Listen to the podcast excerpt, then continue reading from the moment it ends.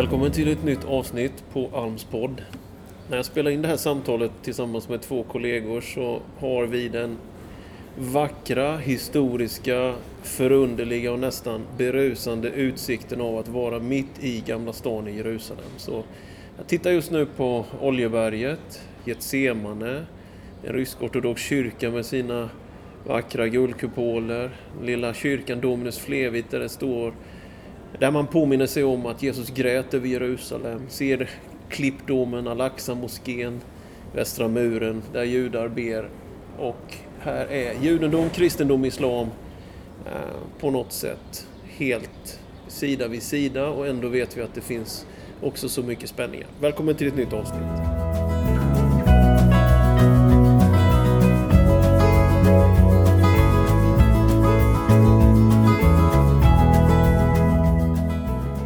Välkomna till min podd, Niklas Lindgren och Pontus Fridolfsson. Hur känns det att vara i Jerusalem? Det känns mycket bra. Förberedelse inför tusenårsriket. Niklas, du har varit här många gånger.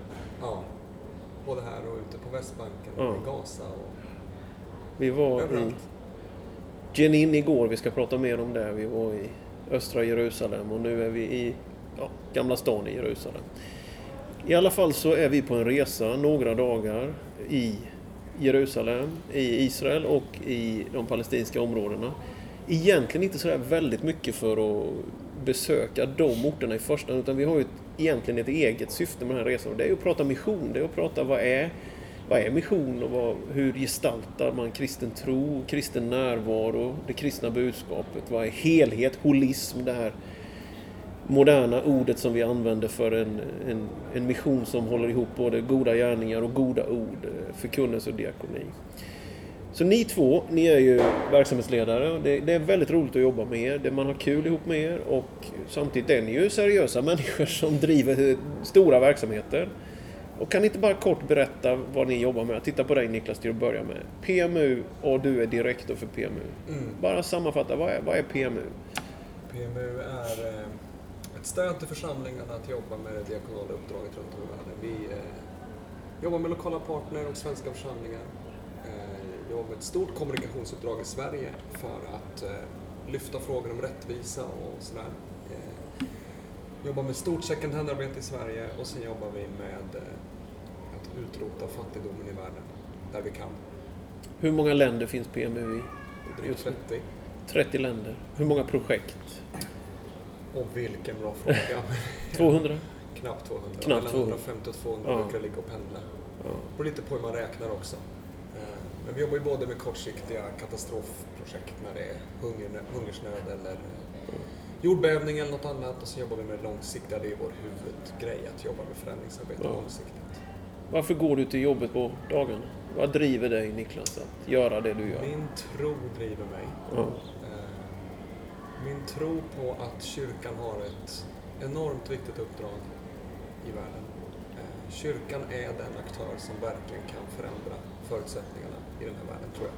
Mm. Vi har släppt fram, det finns massor med organisationer som gör bra grejer, men om kyrkan verkligen förstod sitt uppdrag så tror jag att vi skulle revolutionera eh, situationen för människor överallt. Och i viss mån gör vi det redan kan man väl ändå säga? Absolut. Även om Eh, på ett det- sätt är det i det lilla när man tänker det globala enorma utmaningar såklart. Ja. Ja men det är bra, vi kommer tillbaka till dig. Pontus Fridolfsson, eh, du är ju också så välkommen till det här poddavsnittet med samtal om mission. Vem är du och vad, vad driver, vad är IBRA för någonting som du driver? Ja, nu driv, jag, jag är ju verksamhetsledare sedan fem år tillbaka för IBRA och eh, IBRA är ju, har ju en drygt 60-årig tradition och historia av att med media som verktyg nå ut med det som är evangeliet, att berätta för Jesus. Och idag, och som det har varit, men fortfarande idag så finns det många, många miljoner, om inte miljarder, som är betraktade som onådda, alltså inte fått höra vem Jesus är och fått del av evangeliet, alltså ta ställning. Och det är det som är, har blivit IBRAs huvudfokus. Med, eh, som, det, det är spjutspetsen på det vi gör. Väldigt viktigt. Och hur många projekt så att säga driver ni? Och, Ja, och hur många länder finns ni i? Eh, Vi finns i eh, säger 60 länder och vi finns på 100 språk. Det är väldigt viktigt för IBRA att vara eh, nåbar, alltså att komma, jobba tillsammans med partners som har, kan dialekten, kan kulturen för att nå de onådda folken. Eh, vi har, om vi pratar projekt som är i regel ganska lång, långtgående, så är vi uppe i 130. Eh, väldigt många, men, men behoven är enorma och fortsätter också lite. Man kan säga att ni som PMU jobbar med de som är minst, eller mest utsatta och IBRA de som är minst nådda. Så att ni med IBRA finns i områden där kyrkan är, är svag. eller inte närvarande alls och ni försöker bryta ny mark. Ni är liksom inte i bibelbältet om man säger så primärt. Och PMU, ni är inte på Wall Street direkt och jobbar utan ni är bland de allra mest utsatta och fattiga. Det är en slags sammanfattning eller? Ja, det är det ju, men, men, men vi jobbar ju i en del sammanhang där kyrkan är en enormt stark aktör. Exakt. Men inte orkar, kan, vill Den är stor, ett stort stor men fattig. Eh, Och ibland vill den ta ett jättestort samhällsansvar. Och när jag sa det hur många länder vi jobbar i så är det en liten sanning med modifikation. För att vi egentligen via våra nätverk med de svenska församlingarna inom pingströrelsen och, och på andra sätt så relaterar vi ju till människor i många, många fler länder där vi kan vara med och lyfta frågan om kyrkans roll att förändra den här världen. Eh, Så att projekt på marken är ju en sak och nätverk och möjlighet att ha dialog med många fler, det är en annan sak. Ja men bra. Har vi åtminstone en liten bild hoppas jag ni kära lyssnare av det här samtalet vad IBRA och PMU är. Det är ju stolta skepp som seglar på något sätt för pingströrelsen kan man ju säga. Alltså, till nytta för människor. Vi är ju väldigt glada för PMU och IBRA. Det är ju stora, sunda organisationer som någonstans har sin hemmahamn i den svenska pingströrelsen. Så är det ju. Men rör sig i många länder och har många partners och jobbar med många samfund också. Så att det är ju inte så att det pings, pings, pings tills tänderna trillar ur munnen liksom, utan det är ju ändå en, en bredd i samarbetena. Men hemmahamnen är ju ändå den svenska pingströrelsen och det är vi ju otroligt stolta och glada över. Vi har ju pratat rätt mycket om det här att ja, men vi är ju på den här resan för att eh, se helheten av att man delar både budskap och goda gärningar. Och Jag tänker om man vänder sig till dig Niklas först här, liksom att, att dela goda gärningar, att, att komma med hopp, komma med eh, stöd till demokratiutveckling, komma till eh, med, med mat till den hungrande, allt det där. Är det förklätt? Är vi egentligen, vi vill egentligen bara predika? Nej. Nej. För mig är ju evangeliet helt. Jag har väldigt svårt att se att, att Jesus delade upp saker. Eh, och han gav oss, liksom, han sa åt oss att vara ljus, Mm. öppet, förkunna, eh, vara liksom ljuset som inte kan döljas och vara saltet. Mm. Som påverkar kultur, som motverkar förruttnelse, som eh, eh, ger smak där det inte finns någon smak. så jag tänker att det, det är... Nej, vi har inga dolda agendor när vi Nej, gör någonting. nej. Vi, vi älskar människor. Vi tror att kyrkan har en uppgift att älska människor, att finnas till stöd för människor. Vi älskar när människor samverkar. Vi tycker inte om konflikt, så vi jobbar med fredsfrågan. Mm. Vi tror att människan mår väl av att samarbeta. Vi tror att människan har en massa god kraft i sig att, som behöver frigöras. Och eh, kyrkan är liksom en katalysator att bygga ett gott samhälle. Jag tror vi är liksom, I Jesus har vi en god förebild.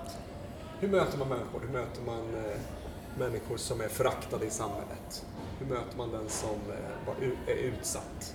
Med vilken attityd gör vi det? Och så, så att vi har inga dolda agendor. Kan- Vi älskar människor. Ja, just det. Kan man säga att tron är din och vår drivkraft och, och PMUs drivkraft, men man kräver inte tro som motprestation.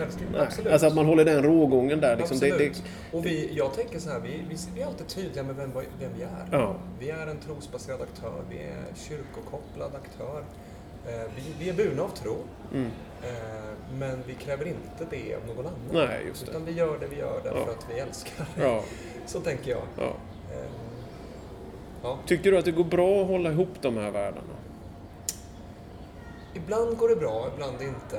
Ehm, Det finns rätt tydlig... Det finns forskare som säger så här. Väldigt många människor som är i fattigdom, de är deprimerade. Mm. De behöver hopp. De behöver få tro på någonting. Mm. Och det finns andra forskare som tittar mycket på det här med kyrkans roll och vad är det trosbaserade aktörer bidrar med in i ett sammanhang där det är väldigt fattigt. Och det är ändå väldigt tydligt att, att människor behöver någonting mer att förhålla sig till Mm. än bröd för dagen. Du behöver en världsbild, du behöver en, en förståelse att det finns något utanför dig som du kan hoppas på, som du kan förhålla dig till.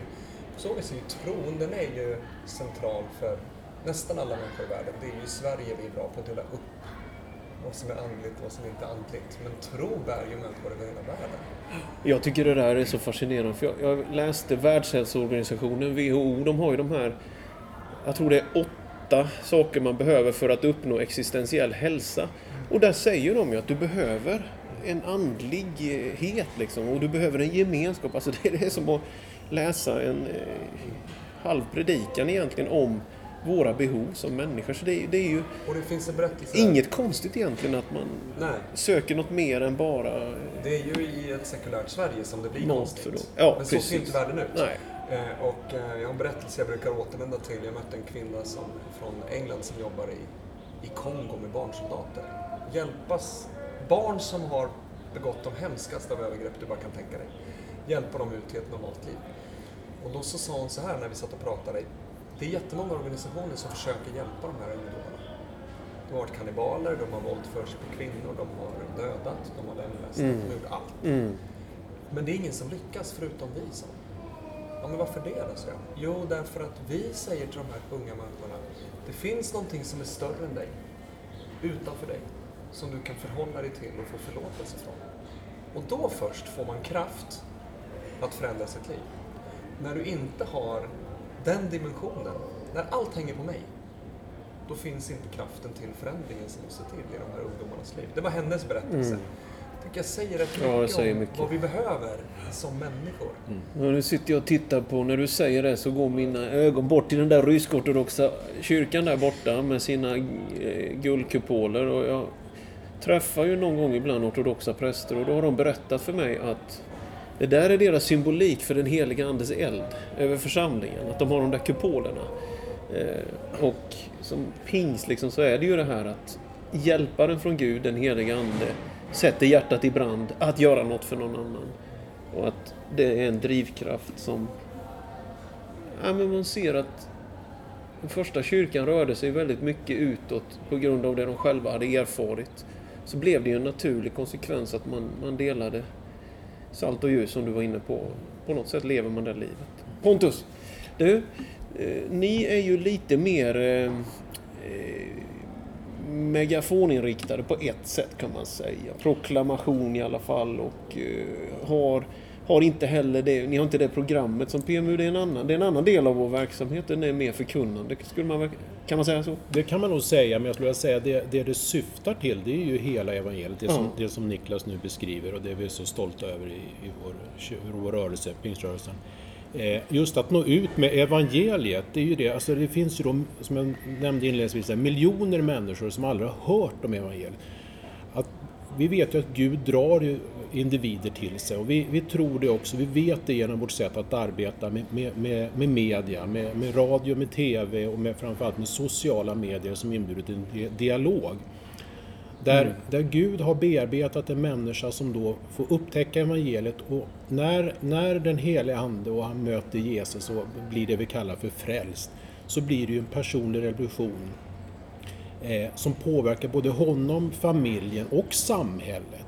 Vi har ju själva en historia i Sverige av en, en, en frikyrkorörelse som gör en, gör en upprättelse för, för, för samhället och individer. Och det här ser vi också sker ute över vår värld där vi alltså kan ber- berätta om evangeliet. Men vi har ju ett uppdrag också att berätta Ja, om Jesus och låta han också verka. Och det här ser vi också händer. Det gäller eh, kristna över hela världen, men oavsett trosinriktning så är detta. Och vi ser en, en, mer vår kulturanpassning så ser vi att vi har en väldig möjlighet och framgång, man får använda sådana ord också, för att nå de som finns i andra traditioner, religioner och kulturer. En, Genom våra partnerskap med, med, med så likasinnade människor. Där en slags förvandling, eller en slags, en förvandling genom tron Det vi kallar leder för- till förändring. Ja, det är det vi ser. Mm. Och eh, där är inte vi operativa, utan där ser vi också att de här sakerna kan ske i samhället och vi ser andra aktörer. Som, som många utav de aktörerna som finns här i Mellanöstern som är det just nu, som PMU samarbetar med, har jag fått förklara för mig, är tidigare IBRA-aktörer. Eh, så att jag skulle påstå att de, vi ser att mycket går hand i hand finns genom det inga, som sker. inga vattentäta skott. Nej, absolut inte. En aspekt till när man jobbar med samhällsförändring Ja. är ju att samhällena vi rör oss i, i de länder där vi jobbar, de är ju väldigt, väldigt religiösa. Ja. Det betyder ju att religiösa ledare har en enorm plattform att påverka och man möts med respekt som trosbaserad aktör. Och det finns ju, finns ju många signaler, man brukar prata om nu att God is back i, liksom, i forskning, i synen på samhällsutveckling och sådär. Och i biståndet är det ju också så att man börjar se det här med religion och utveckling, att det hänger ihop på ett nytt sätt. Som man har försökt att i sekulariseringens liksom, efterdyningar tänka bort. Men det går inte. Du riskerar ju istället att missa massa Alltså massa, vad ska man säga? Du riskerar att göra fel om du tänker bort religion därför att människorna på marken är ju väldigt religiösa. Mm. Och många utvecklingshinder behöver lösas också kopplat till det. Kopplat till världsbild, till kultur, till människosyn och till annat som också har med religi- religion att göra. Och där har ju ni, ni och vi ett jätteviktigt jobb, även hemma i Sverige. Och kanske ett sånt där enkelt poddsamtal kan bidra för någon som lyssnar i den riktningen. Att på något sätt det globala perspektivet är ett, det är ett troende perspektiv. Det är ett religiöst perspektiv. Det globala perspektivet handlar om tro, övertygelser. Det, det finns till och med forskare som jag hör- hörde nyligen som sa så här. Eh, det finns statistik från flera länder i, i syd där man då har kollat på, eh, man kopplar moraliskt beteende till tro. Om du är troende så kan du också vara en moralisk människa. Om du inte är troende så kan du inte vara moralisk. Nej. Alltså man ställer den typen av frågor till människor. Eh, och och fråg, eh, undrar, hur ser du på det här? Mm. Och då är det ju en enormt stor majoritet som säger moral och tro hänger ihop. Och då kan vi fråga sig, vad händer om vi kommer ut och säger vi är ateister? Nej, Vi precis. tror inte. Ja. Vad händer då i mötet med människor i de här religiösa samhället? Och jag tror att tron är en väldigt viktig del i Ja. att vara med och Att skapa en vision, ett hopp. Liksom. Den gamla, för att tala med ateisters språkbruk här så kommer jag på när du säger att jag tänkte på det inte, inte så länge. Den här, eh, jag tror den här gamle kommunisten Lev Trotskij som säger att han var väl ateist, var allt vad jag vet. Ofta var ju kommunismen det i alla fall. Han sa ju ändå det att om du inte har någonting framför dig som du tror på, en idé, någon, någon vision, då kommer du att hemfalla till cynism och skepticism. Du kommer bli en cyniker och en skeptiker om du inte tror på någonting. Sen väljer ju en del att tro på en idé och, och, och vi då kanske mer tror på en person, tror på Gud, tror på Jesus Kristus. Nåväl, jag tänkte växla lite spår här i det här samtalet, eh, en liten annan angle av det hela. Eh, och det är det här, Alltså när vi var i Jenin igår, det var ju fantastiskt. Tänk att, jag menar Jenin för mig, det har ju varit mycket nyhetsrapportering, problem, eh, situationerna som är där. Och så får vi möta de kristna. Det är bara en viktig information i det här poddsamtalet att det finns kristna bland palestinierna. Det är inte en hundraprocentigt eh, muslimsk entitet liksom, utan det är, finns kristna. Jättefina människor by the way, roligt att höra, se vad de gör där. Och då är det det palestinska bibelsällskapet som ändå är frontperson där och hjälper kyrkan på traven. Inte på något sätt i opposition med kyrkan utan är en katalysator. Och det tänkte jag fråga er bägge två egentligen. För att jag menar jag och vi tre, vi är ju lokalförsamlingsnördar. Vi går på möte varenda söndag. Vi älskar församlingen. Liksom. Vi lever det livet. Och samtidigt ibland i en del av de här länderna, som där du är Pontus, det finns ingen församling att samarbeta med. Det finns inget, finns inget partner liksom. Och ibland är partnern kanske en person eller en organisation. Och ibland kan ju det där krocka med våra värderingar. Församling, församling, församling, församling. Det spelet där, församling, individ. Vad tänker ni om det? För att samtidigt är ju, jag menar vår egen rörelse, säg då Levi Petrus, det var ju väldigt mycket en person också. Och så fångade församlingen någonting utav ett driv och en vision. Hur ska man tänka där liksom? Om jag kan börja där så det var en upplevelse för mig och andra gången jag mötte den här organisationen, eh, en, ett partnerskap till oss i, i Sverige. Eh, Palestin, de har ju 200 års historia som beskrevs Ja. igår så att det är inget, det är inget politiskt statement att kalla sig palestinskt om man nu skulle tro det. Eh, Men de vi mötte igår som har ett fantastiskt arbete, eh, också centrerar detta kring eh, Pal- Palestinska Bible Society där, så pratar man ändå om att var och en liksom har en församlingsengagemang. Och det var, var, var ju en, en nyhet för mig ska jag väl säga, men ändå ganska bra att se liksom, att det finns ett individuellt engagemang, men man har samlats här kring något gemensamt och eh, både dela evangeliet och vara praktiskt handlings, handlingskraftiga kring det som är evangeliet. Så att, eh, och ett fantastiskt arbete som fick beskrivet som inte får plats på den här podden, men det var mycket imponerande att möta detta. Vad säger du Niklas om det där? Person, organisation, kyrka. Är det, är det ett Ja, problem eller vad ska man säga? För, för mig är det inte det. Jag tänker Nej. att vi kan göra olika saker. Ja. För mig är vision det viktiga. Ja, Delar vi visionen om vad det är vi håller på med? Vad är Gudsriket? Vad är, vad är det vi bygger? Vad är det vi gestaltar? Eh, och ibland eh, behövs en organisation som Mm. Bibelsällskapet. De kan göra vissa saker som inte de här kyrkorna i Jenin kan göra. Eh, och ibland är det kyrkan lokalt som kan göra någonting som inte organisation kan Ja. göra. Så jag tror att det är... Det viktiga är väl att ha goda relationer? Ja. Att aldrig runda. För, alltså, jag menar, är, finns det en församling så går vi ju med församlingen. Men det är inte alltid det finns och då finns det andra sätt. Och, det är väl respekt kanske man behöver i relationerna. Ja. Att inte runda Och jag tyckte församlingen. det vi såg igår var ett väldigt gott Ja, exempel det var på det. Där man liksom exempel. samverkar eh, kring... Om, om man samverkar eh, oproblematiskt Mm. kändes det som. Mellan olika kyrkotraditioner och eh, organisation i det här fallet. Och sen får vi få vara med på ett hörn Mm. och det finns andra från andra västländer som är med och stöttar. Och... Ja, jag Nej, jag tycker, för mig är det inte ett problem. Jag tycker vi ska dra ner de där Det är bra. polariseringen Ja. mellan vad som är vad. Jag Ja. tror att vi ska tänka mer att det är vi, vi är ett vi. Rörelsen är ett. Eh, församling, verksamheter, också ute i, det, i andra länder. Det, det finns ändå en harmoni så länge det är en rörelse, så länge det finns ett uppdrag. Nej, jag måste nog säga att jag, jag menar, jag älskar att vara i Jerusalem, bara och titta på det här. Jag sitter och ser inte mina bröder i ögonen knappt någonting, för jag måste se in i utsikten här hela tiden. Jag är ju lite Jerusalem-struck sådär.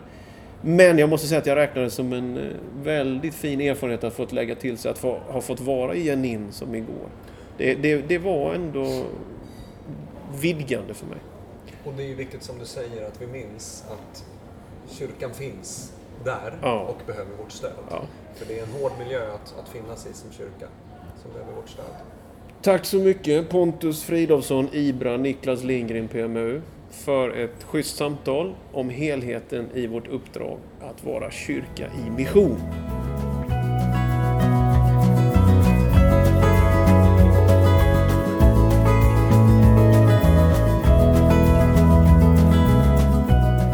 Tack att du har lyssnat till min podd idag. Gud välsigne dig.